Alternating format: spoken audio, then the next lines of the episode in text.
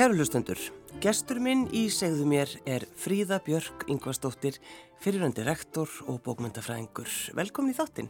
Takk fyrir. Þú vissi ekki alveg hvað titil ég ætti að nota þig. Nei. Þetta er luxusvandamál. Já, ég hef gengið undir svo mörgum og margvíslegum starfshittum í lífinu. Hefur í þessu kaplaskipta lífi sem ég hef átt. Já, þú er einhvern veginn aldrei hikað við að breyta um, um starf, eða hvað? Nei, og ekki, ekki við að breyta um takt og það eru svona Mér finnst það mikilvægt. Einhvern veginn hef ég alltaf hugsað þannig að maður eigi bara takmarkaðan tíma í lífinu til að vera til Já. og gera það sem maður þarf að gera eða finnst maður knúin til þess að taka stáfið. Mm. Og þannig að ef að mér hafa bóðist einhver tækifæri þá hef ég ekki hika við að, að grípa þau og svo hefum við líka kannski bara hjónin verið sammálum það að svona einhvern umbreytingaferðli á lífsleginni væri holdt fyrir okkur og gott fyrir okkur. Mm.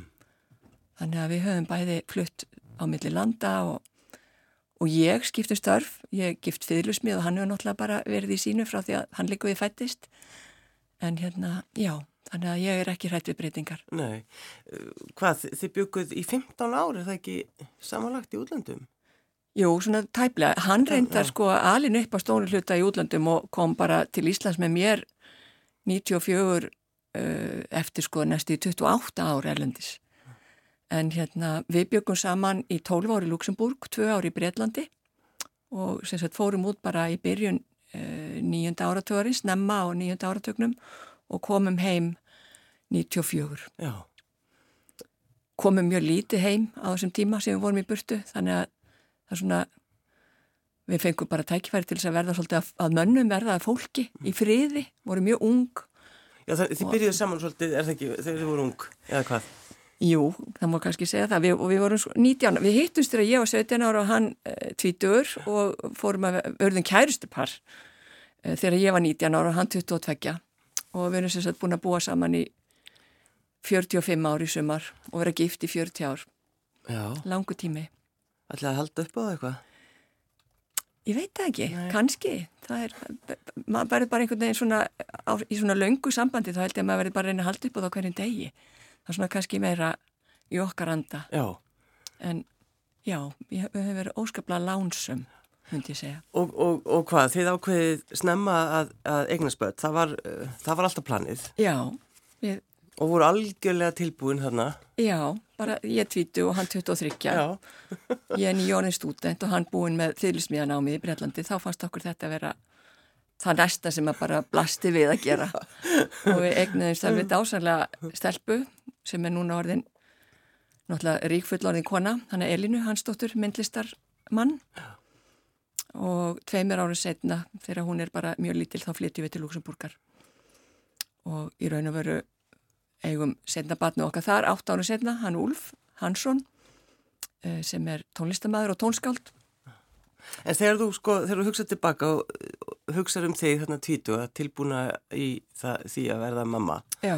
Sko, hvað hugsaður hvernig hugsaður um þessa, þessa ungu, ungu konu? Mér fannst ég sko vera bara svo ótrúlega fullorðin og tilbúin ég að takast á við lífið, ég hafði alveg gríðarlega út frá og hafði svona bara alla tíð hugsa með það að ég yrði að komast til útlanda og eiga heima í útlandum, ég langaði ekki til að fara bara og nema í útlandum, ég langaði til að vera þar Já. Og þú veist, eiga jól í útlandum og eiga sumrum í útlandum en verða ekki þessi svona útlanda ferðamaður sem að margir námsmenn urðu, þú veist, voru í skólanum í útlandum en kom alltaf heimum um jól og páska líku við og, og á sumrin. Þannig að ég var bara einhvern veginn svona og við tilbúin til þess að búa til þess að kjarnafjölskyldu hlúa sjálfum okkur þessu litla batni sem við áttum og svolítið bara fara að skoða heiminn, kynast eh, öðrum viðþorfum og, og svona öðru lífstíl heldur en var á Íslandi. Það var náttúrulega mjög erfitt að vera til á Íslandi upphafi nýjönda áratöðanins fyrir ung fólk, alveg gríðaleg verðbolga og, og, og dýrt bara að, að eiga í sig og á já, já. og kannski lítil atvinnutækifæri fyrir hann Ég var í miðju háskólanámi og eh, sagt, ákvaða að fara út þrátt fyrir það. Ég var byrjuð í, í Háskóli Íslands. Hvað, í, í bókmyndafræðinni þá? Í bókmyndafræði, já. Þegar hún var ekki eins og norðina tískufægi, vorum held í átta í þessum árgangi. Undir sterkri stjórn Helgu Kress sem var frábær kennari og mikill frumkvöðul í svona hugmyndafræðina og bakvið bókmyndafræði bara á Íslandi. Og ég fór í háskóla í Luxemburg í eitt ár sem var held ég bara erfiðasti skóli sem ég verið í, það var svona klásuskerfi þar og við vorum tekin inn held ég 70 og eitthvað og það, það var í vita alveg frá upp á að það væri 12 sem næði í gegn.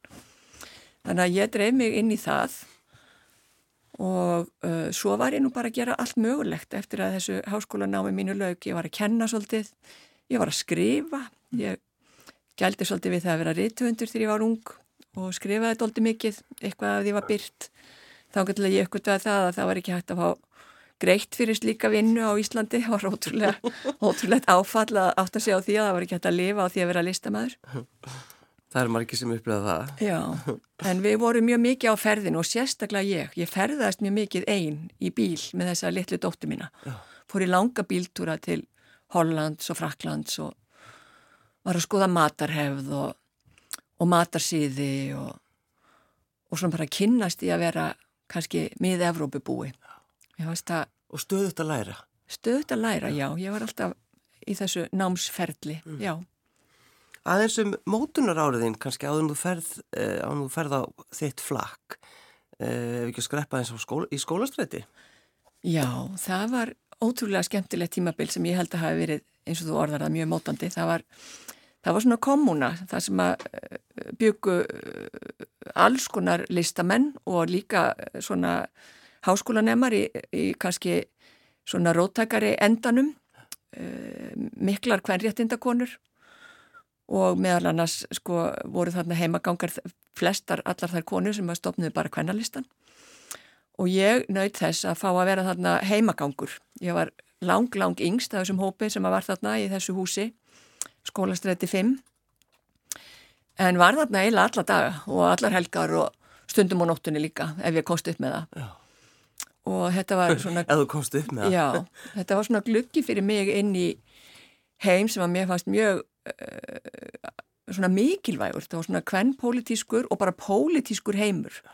Og ég hef alltaf haft mjög mikið náhuga á pólitíka, ekki bara menningapólitík per se, heldur pólitík svona samfélagspolítík og því hvernig, sko, hvaða hlutverki maður sem einstaklingu gegnir í samfélaginu.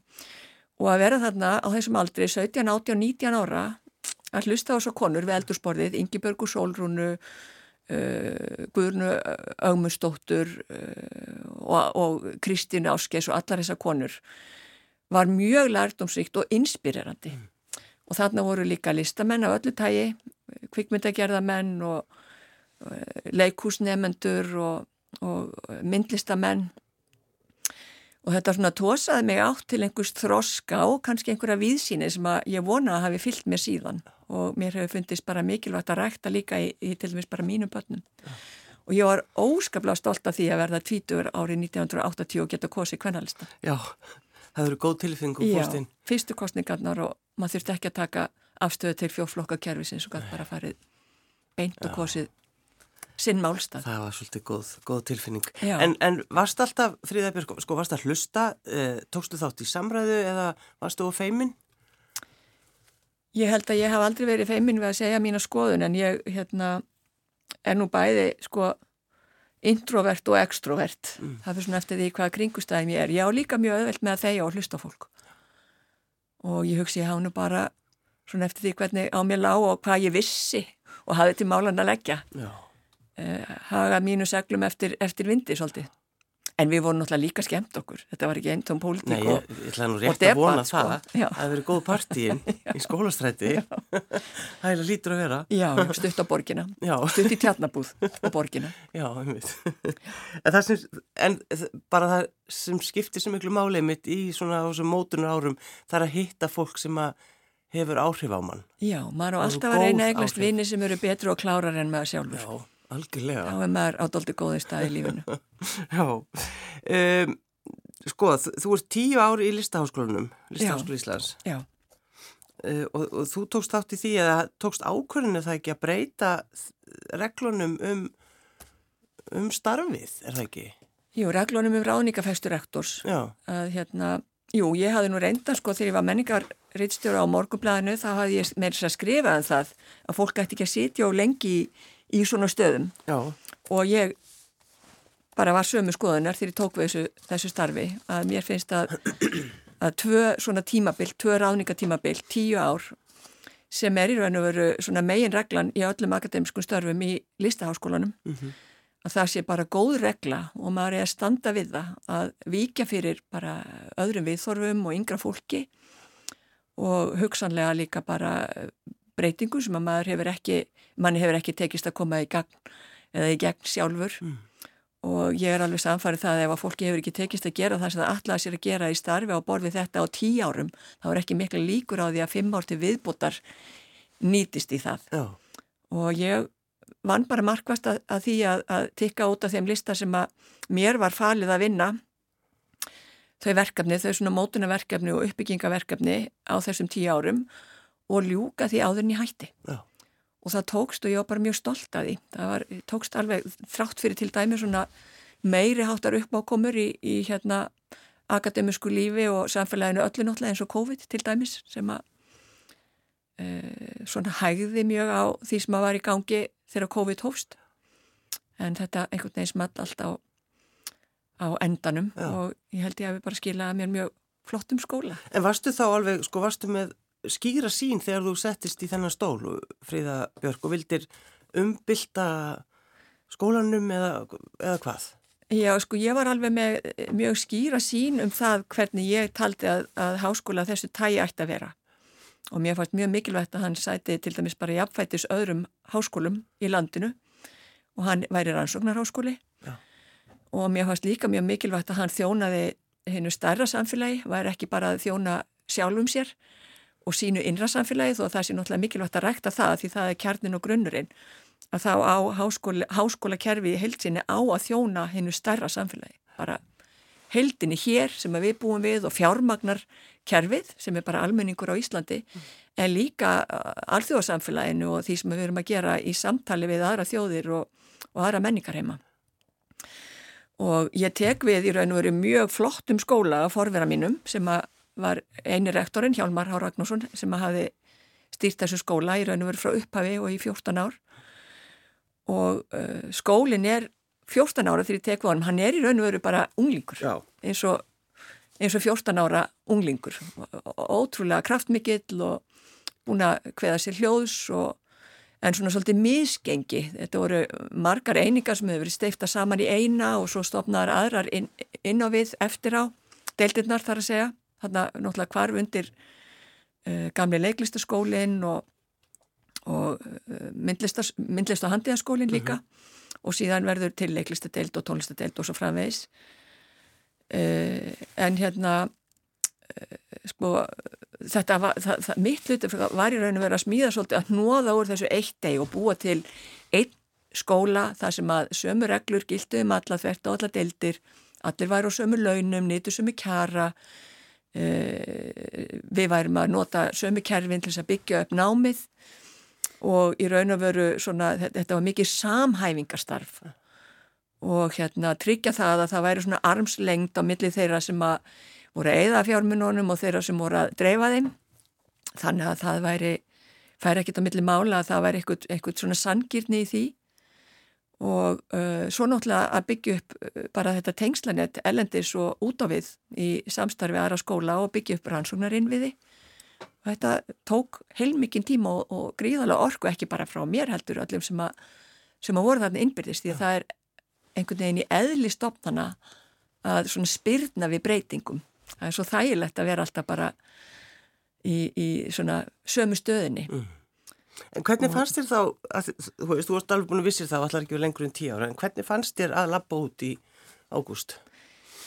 Það var bara eh, gott og hérna, mér fannst, uh, sko það er ekki nýtt fyrir mig að breyta svona um takt í lífinu, ég hef gert það ofta áður mm -hmm. og það hefur alltaf verið til góða og gefur manni svona svigrum til þess að fóta sig og og skapa sér andrimi til þess að hugsa hvernig maður vilji haga restina af því sem maður á þó eftir í lífunu jú, jú.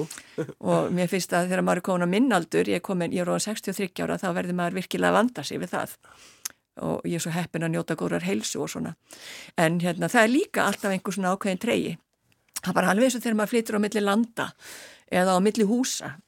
Að það eru, hérna, það er ímislegt sem maður saknar en svo koma bara aðri hlutir í staðin og það er mikill eh, munur á því að hafa hitt kannski fjölda marga yfir daginn, jáfnveil einhverju tugi manna yfir daginn og átt samskipti við þá og hverfa svo inn á við eins og ég hef verið að gera í þessum svona hljöfum á milli stóra og erirsamra starfa í mínu lífi að þá hef ég yfirleitt leita bara inn á við og, og hérna og verið að vinna sjálfstætt að verkefni sem ég, sem ég langar til þess að vinna. Og er, ertu þá fegin að vera bara einn?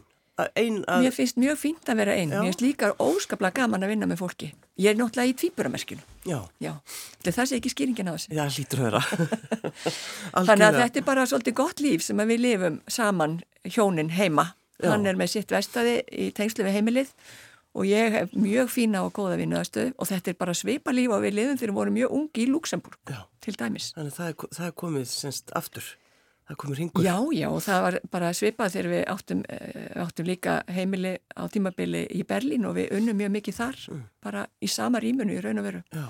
að alls konar verkefni. Það hefur það alltaf, alltaf bara gengið vel? Já, okkur kemur mjög vel saman. Það lítur vera, við erum 45 ár.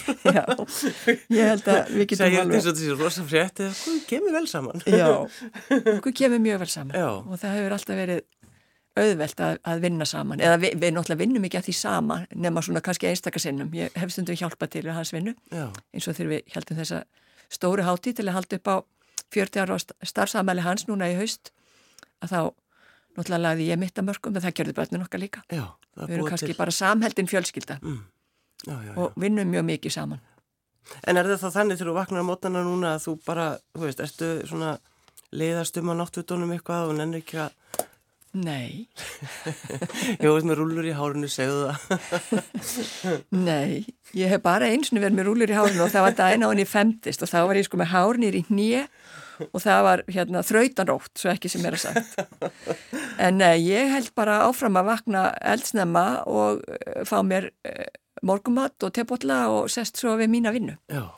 Og hans í hverfur á sama tíma maðurinn minn inn á vestæði sitt. Svo hittist við í hátteginu og förum í rösklegan göngutúr og, og hérna dagurinn svona bara líður í þessum vinnufasa. En ég hef náttúrulega alveg tækifæri til þess að að hafa honum öðruvísi vinnudeginum ef ég vil. Já, og það er alveg dásamlega tilfinning. Mm, En þú ert svolítið svona að þú hugsaður um hvað þú vilt gera Já. og hvað þú vilt ekki gera. Já, það er alveg held í skýrt. Stundum er maður í einhverju svona limboi og hérna kannski bara bjóðast manni einhverju fleiri hlutir og maður þarf að velja á milli.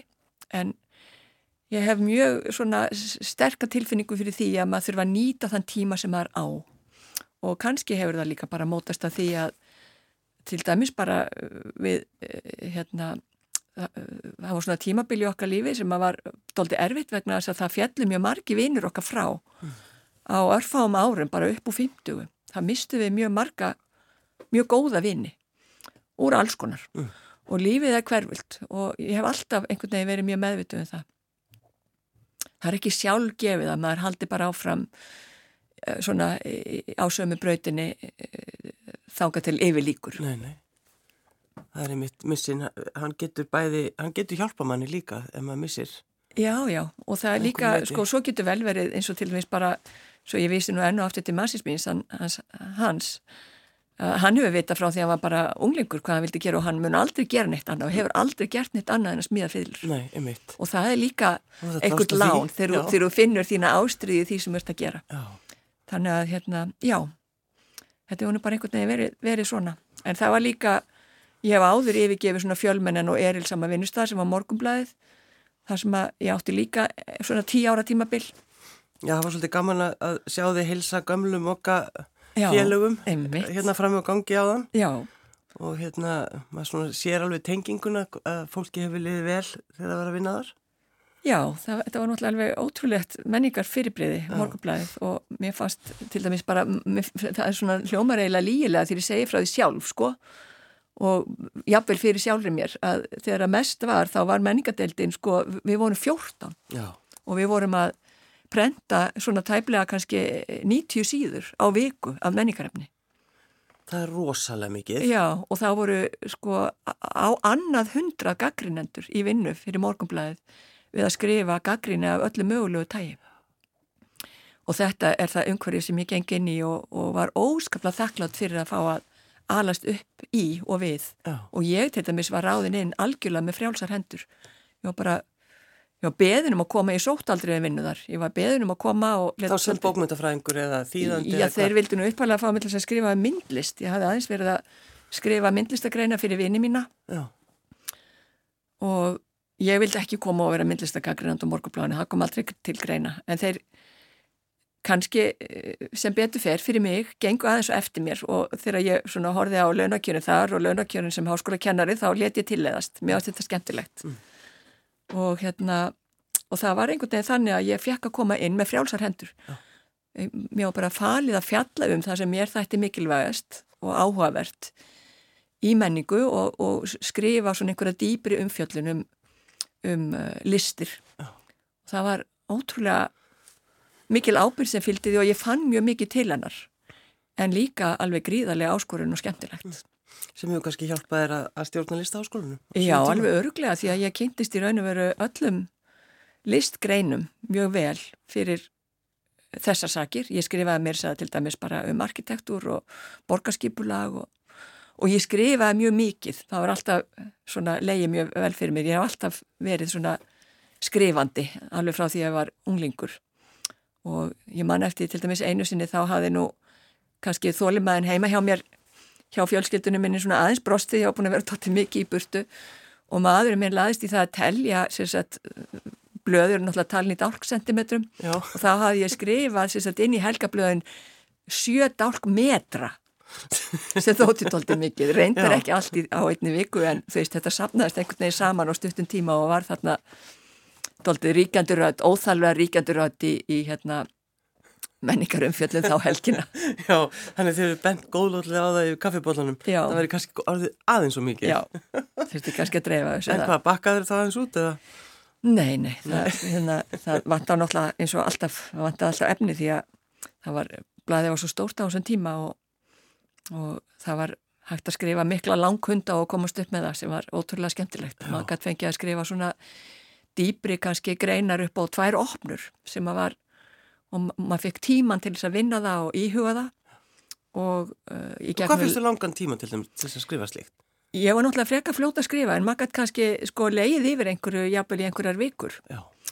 ef það var sko stór og viða mikil fréttaskýring og þarna var verið að skrifa um sko stór málefni eins og til dæmis bara Mokkin var að skrifa á þessum tíma upp úr aldamótum um inflytjandamál, það var mikið skrifað um geðheilbreyði og geðsjúkdóma sem að voru tabu á þessum tíma, það var engin að hugsa um þessi mál og ofnbjörðu vettfangi. Uh, það var verið að skrifa um uh, uh, bara til dæmis bara hlínun jarðar og, og umhverfismálin og manna kollegi minn fekk til dæmis bara næst í hálft ári að skrifa greinaflokk um, um umhverfismál sem að voru bara í raun og veru á einhvern hátt, að- hátt svolítið eh, tímamóta skrif og ég fekk að skrifa greinar eh, um listamenn og um alls konar þemu úr bókmöntum og öðrum listgreinum sem að kannski spönnuðu einhverjar vikur í eh, rannsóknum og, og lestri og svona, þetta var bara mjög mikilvægt. Ertu og oft var maður að leggja mikið undir, ég skrifaði líka Reykjavíkubref þriðu hverja viku.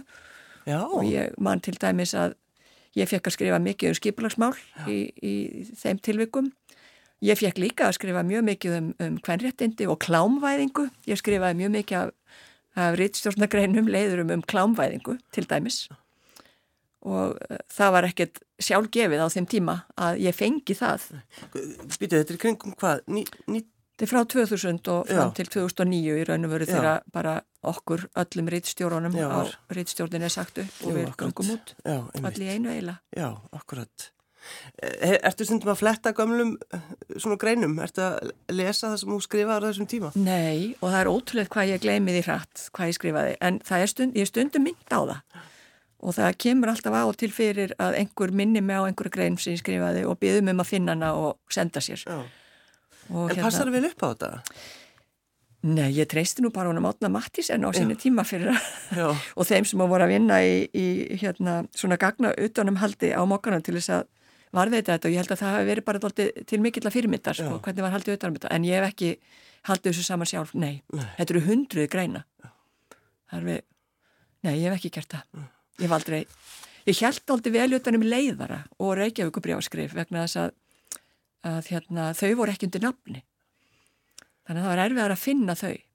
En þegar maður er að skrifa leiðara kannski á hverjum degi og minnstakvæmst annarkvæð dag þá fannst mér mikilvægt að halda utan um það því það voru svona stefnumótandi skrifin sem á öllu usla. Já, já, ég þú, Og þú var líka dálítið- skrifa, skrifa og þú þarft ekki að segja hver þetta er, það er náttúrulega Nei, nei, það var náttúrulega lesið yfir. og hérna mikil debatt oft um það sem að fekk að fara út í leiðurum. Já. bara mikil, mikil debatt og aldrei gert ómeðvitað eða þannig að það væri ekki vandlega rætt af sko hópi fólks. Já, já, þannig að þetta var mjög líðræðisleg hérna, framganga og stundum og það var mjög skemmtilegt öllu þessir leðarar einhverjum usla og það var náttúrulega ennþá skemmtilegra já.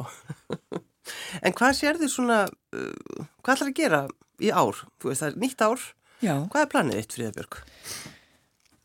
Ég ætla mér að leggja stolti í ferðalög, það er eiginlega svona næsta plan, en hérna, meðfram því þá er ég að þýða bók sem að mér finnst mjög skemmtilegt. Ég er að þýða bók eftir vinkonu mína sem að heitir Rebecca Solnit og er svona mikill hugmyndafræðingur, bandarísk, sem að meðal annars fann upp orðið mansplaining.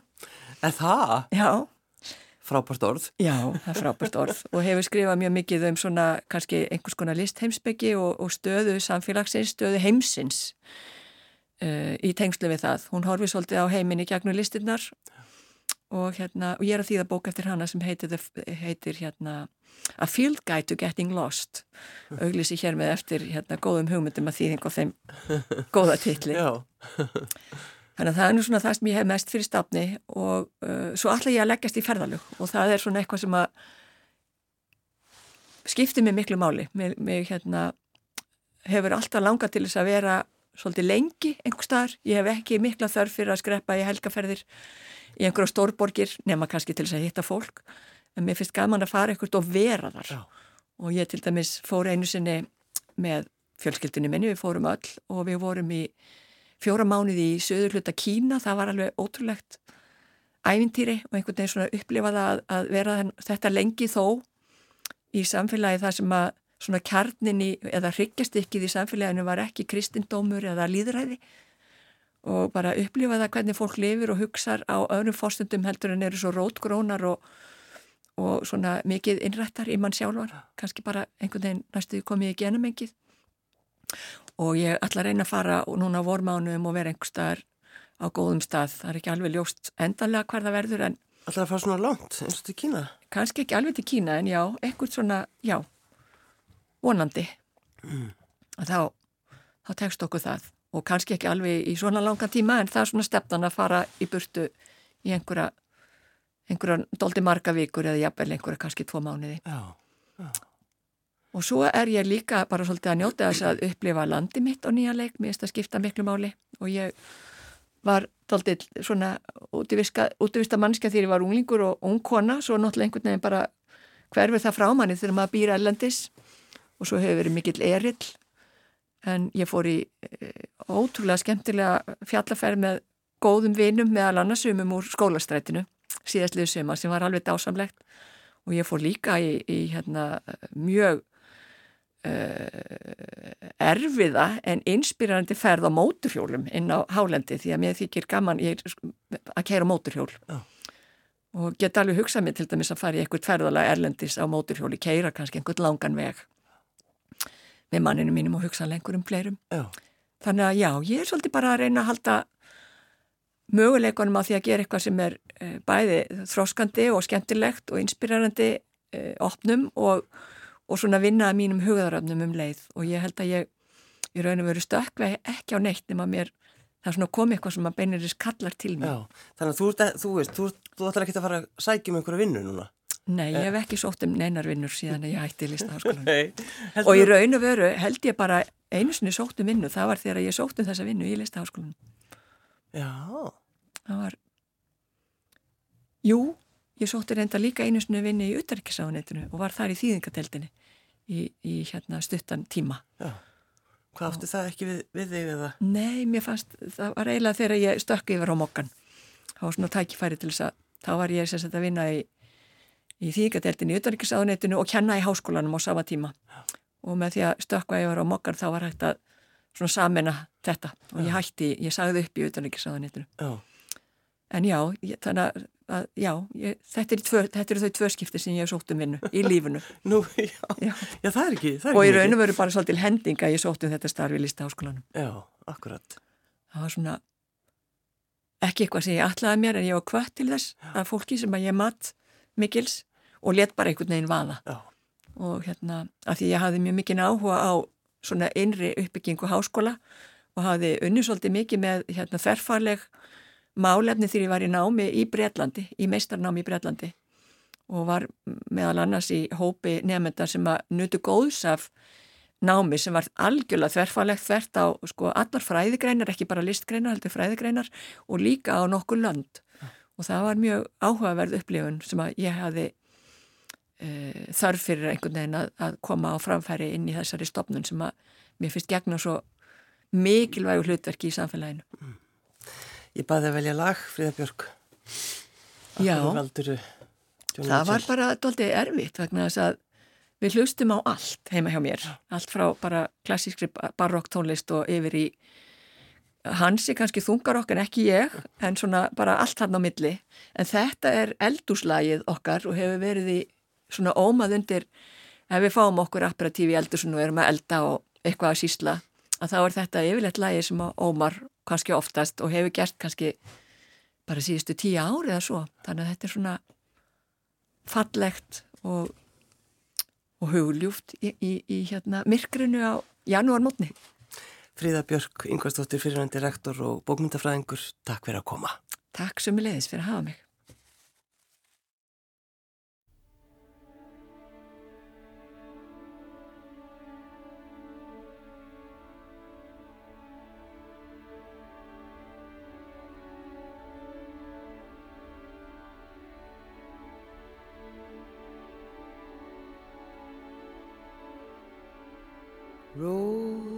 And flows of angel hair.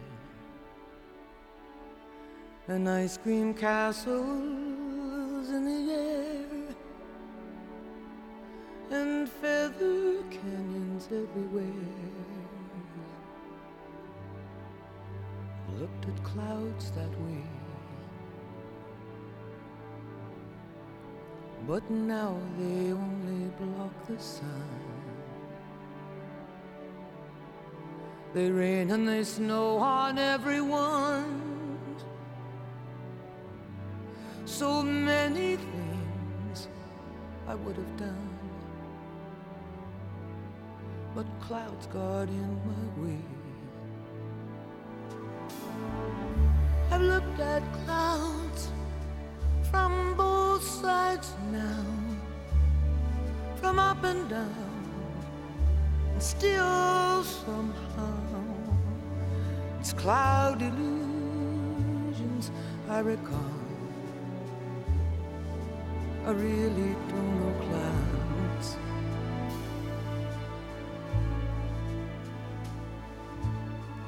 At all.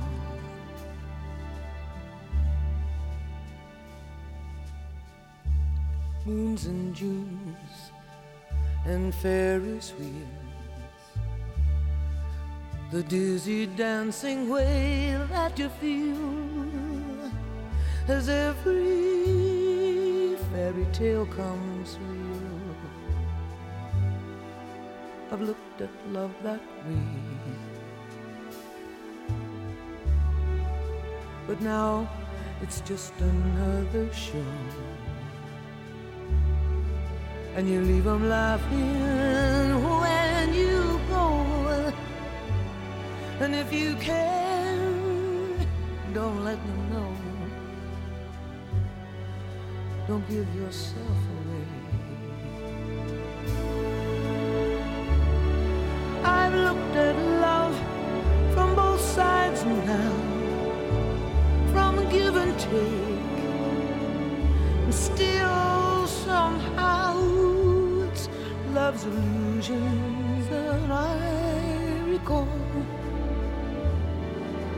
I really don't know love.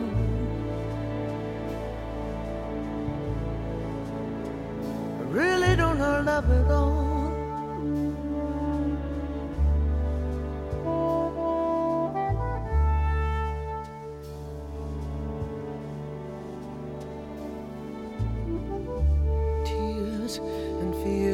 and feeling proud to say I love you right out loud. Dreams and schemes and circus crowds. I've looked at life that way.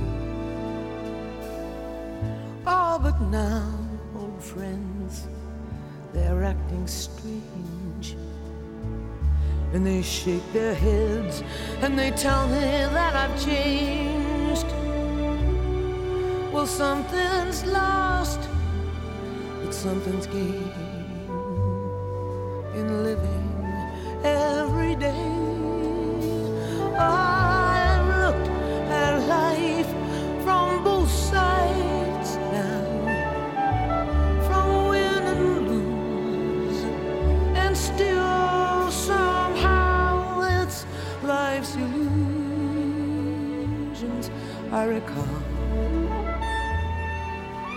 really don't know life